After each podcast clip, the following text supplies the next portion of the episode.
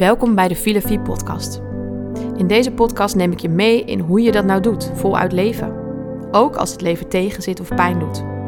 Filosofie staat voor jouw levenshuis, met daarin de kamers werk, relaties, gezondheid, vrije tijd en delen. In de Filosofie Academy help ik vrouwen zoals jij om dichter bij zichzelf en bij God te leven. En in deze podcast neem ik je mee in een van de thema's die bij voluit leven hoort. Ik maak het praktisch en aan het eind geef ik je een leestip. Super leuk dat jij wilt luisteren.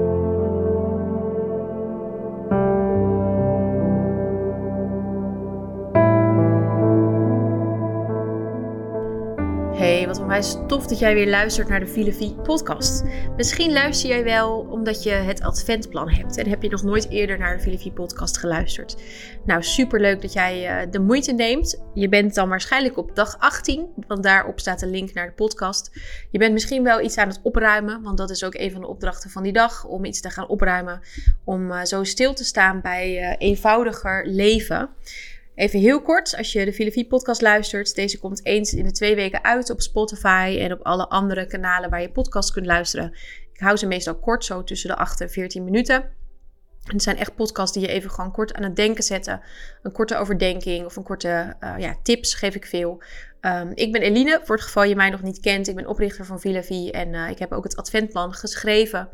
Ik schrijf boeken. Het is mijn missie om vrouwen dichter bij God en dichter bij zichzelf te helpen leven. En dat doe ik door middel van de Filafie Academy, de cursussen, de boeken, de podcast, uh, wat ik deel op Instagram en vooral ook door het Filafie membership. Nou, tof dat je luistert. Ik wil je vandaag um, uh, kort inspireren. We zijn inmiddels al best ver in de adventtijd. Het is ja, dit jaar relatief een korte adventtijd. En uh, we schieten al best wel op. We gaan richting kerst. En ik ben eigenlijk heel benieuwd waar jij ja, mee bezig bent, waar je hart mee gevuld is. Daar gaat het in het adventplan ook best wel vaak over. Hoe is je hart? Het thema is zuiver van hart zijn. Waar is je hart mee gevuld? Waar ben je mee bezig? Nou, heel eerlijk, als je het aan mij vraagt, dan, uh, dan, dan zweef ik een beetje tussen twee werelden. Om dat even uit te leggen. Ik reed uh, vorige week langs uh, de kledingwinkel bij ons in het dorp. Daar zit een hele dure, luxe kledingwinkel met dure merken. En um, de etalage hing vol met alle glitterkleding. Met glitterbroeken, glitter uh, truitjes en um, jurken. Prachtig. Maar ik dacht, wow, dat hangt hier nu net een week ongeveer in de etalage. Dus dat betekent dat deze winkel zo binnen drie weken deze complete collectie gaat verkopen. Dat betekent dat er dus talloze mensen zijn die hier ja, voor kerst een outfit gaan scoren. Nou ja, als je op Instagram kijkt, dan weet je dat dat inderdaad nogal een ding is. Voor kerst koop je een nieuwe outfit. Dat is blijkbaar een soort gegeven. En hoewel ik dus aan de ene kant een soort bevreemding voelde bij die etalage en bij het beseffen dat zij een complete winkel gaan leegverkopen in drie weken met niet echt goedkope kleding, merkte ik tegelijkertijd dat ook ik aan het nadenken was over wat trek ik eigenlijk aan met kerst. Terwijl ik heb helemaal geen spectaculaire feestjes, gala's. Ik ga gewoon naar familie. Ik word er helemaal niet geacht in een heel luxe cocktailjurkje te komen of zo. Um, ik was ook aan het nadenken over wat gaat Lopke eigenlijk aantrekken op haar kerstfeest. En met dat ik daar zo mee bezig was, dacht ik, ja, zie je, ik ben toch ook beïnvloed door alles wat ik zie, door alles wat ik volg, uh, door alle influencers die continu nieuwe kleding aan het showen zijn. Um, snap je, dat bedoel ik een beetje met die twee werelden. Dat aan de ene kant ik een beetje bevreemd ben, want ik um, ja, probeer best wel duurzaam met mijn kleding om te gaan. Niet te veel nieuw te kopen. Ik koop veel op Vinted en bij tweedehandswinkels. En tegelijkertijd toch ook beïnvloed ben door uh, ja, de gedachte van iets nieuws. En door uh, ja, ook aan het nadenken over wat gaan we doen hè, met oud en nieuw. En je kunt deze weken zo onwijs ja, je hart vullen met plannen en met plannen en met outfits en met eten. Nou, dat is natuurlijk een beetje een cliché, maar als ik naar mezelf kijk, merk ik dat het toch ook wel echt waar is. Dus nou, daar wil ik ten eerste eens even bij jou, uh, met jou mee stilstaan. Hoe is het met je hart? Waar is het mee gevuld? Dat is ook een van de vragen die regelmatig in het plan terugkomt. En het gaat natuurlijk over zuiver van hart zijn. En zuiver van hart zijn, dat leg ik uit in het adventplan. Dat gaat eigenlijk over dat je hart maar één ding wil dat je eigenlijk maar één ding verlangt. Dat staat zo mooi in Psalm 84. Ik verlang maar één ding. En dat is wonen in het huis van de Heer. En altijd als ik dat hoor, dat vind ik, ja, dat raakt mij. Omdat ik dan merk hoe dat raakt inderdaad aan mijn verlangen. Aan wonen in het huis van de Heer. Er is zo'n lied. En uh, Johannes weet dit al, maar dat wil ik als ik ooit overlijd. En ik hoop dat het nog lang mag duren. Maar tegelijkertijd merk ik dat dit verlangen best sterk is Dat heet, ehm, ik weet even niet hoe het lied echt heet, maar er zit in ieder geval de zin in: Dan zal ik mijn koning dienen voor eeuwig en eeuwig. En dat, dat, die zin die wil ik boven mijn rouwadvertentie.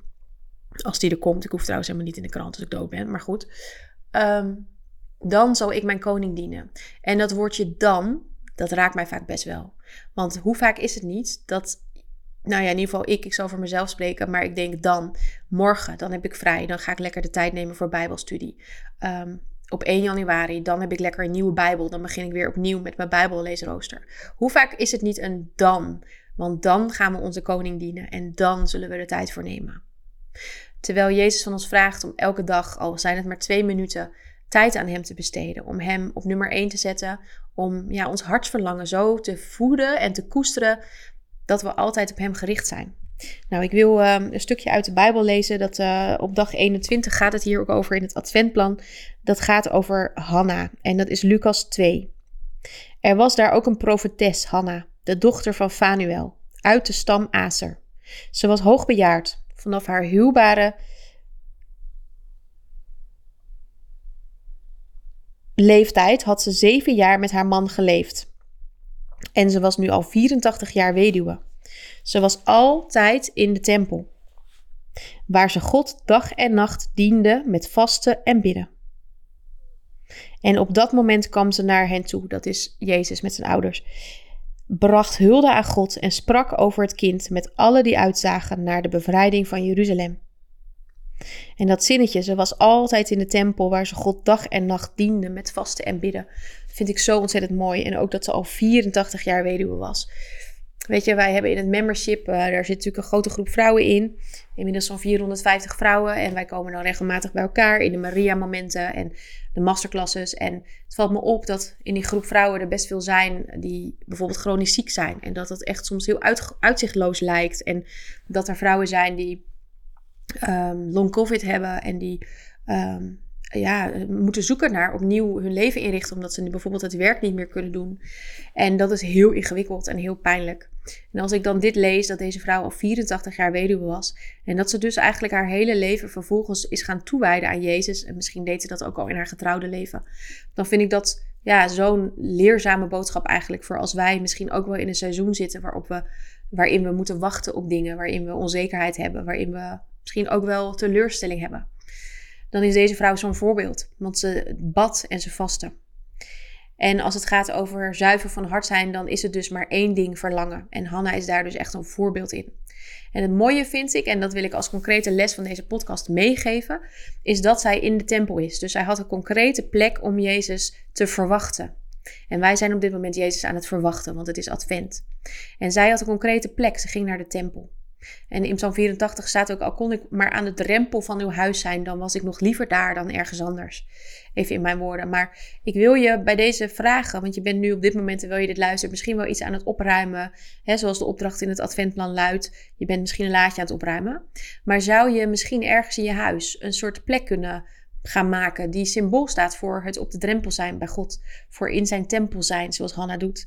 Kun je misschien een, een stoel die gewoon in je woonkamer staat, kun je daarnaast een kratje zetten met daarin je spullen die jij graag bij je hebt als je een moment met God beleeft. Kun je misschien wel een klein kamertje maken. Ik ken mensen die hebben dat in hun bezemkast of in hun bijkeuken. Um, waarin je in, gewoon op de grond op een kussen kunt gaan zitten, maar waar je even je helemaal afzondert van alles en iedereen. Is er zo'n plek misschien te maken in jouw huis? En dat hoeft, hè, als, als je de ruimte hebt daarvoor, een hoekje in je woonkamer is ook helemaal goed, doe dat dan. Maar het is zo fijn om even een plek te hebben waar je je echt helemaal kunt afzonderen. Waar je echt helemaal even weg bent. Er is een bekend verhaal, ik weet even niet meer hoe deze mevrouw heet, maar misschien herkennen jullie het wel. Een mevrouw met heel veel kinderen. Um, en zij uh, uh, had geen tijd om alleen te zijn. Maar zij trok een handdoek over haar hoofd. En op dat moment ging ze dan onder die handdoek ging ze haar tijd met Jezus doorbrengen. En ik begrijp dat wel. Want als je, ook als ik bijvoorbeeld ochtends mijn stille tijd heb. En ik zit gewoon in mijn woonkamer. En het is stil. Dan nog is er veel wat me afleidt. Want dan is er nog veel om me heen te kijken. Dan is er toch weer een boek wat ik kan pakken. Uh, of een telefoon die je kan pakken. Terwijl als je echt in een afgezonderde kamer zit. Om even daar uh, nou, even is niet het goede woord, maar om daar echt de ontmoeting met jou en God te hebben, dan helpt dat je om je afleiding te elimineren. Dus ik wil je met deze podcast eigenlijk ja, stimuleren, uitdagen, inspireren, kun je eens nadenken over echt een concrete plek in je huis die je toewijdt aan jouw leven met God, aan het in de tempel zijn bij Jezus. Waarin je kunt uitzien en uitstrekken en verlangen naar zijn kom straks als hij terugkomt. En waarin je stil kunt staan bij jouw relatie met hem, maar vooral bij zijn liefde voor jou. Dankjewel dat je hebt geluisterd naar deze aflevering. Ik hoop dat het je even wat bemoediging heeft gegeven. Even weer wat om over na te denken. Um, wil je nou vaker deze podcast luisteren? Dus voeg hem dan even toe aan je favoriete lijst. Druk even op het plusje. En ik vind het heel tof als je onderaan deze podcast even wilt laten weten. Op Spotify heb je die functie. Wat je van deze podcast vond. Dat helpt om weer bekender te worden onder andere vrouwen. En het is ook heel fijn als je deze podcast sterren wilt geven. Zodat hij weer bekender wordt bij anderen. Of hem wilt doorsturen aan je vriendinnen. Dankjewel voor je support. En uh, ja, ik hoop en bid dat je een gezegende adventstijd mag hebben.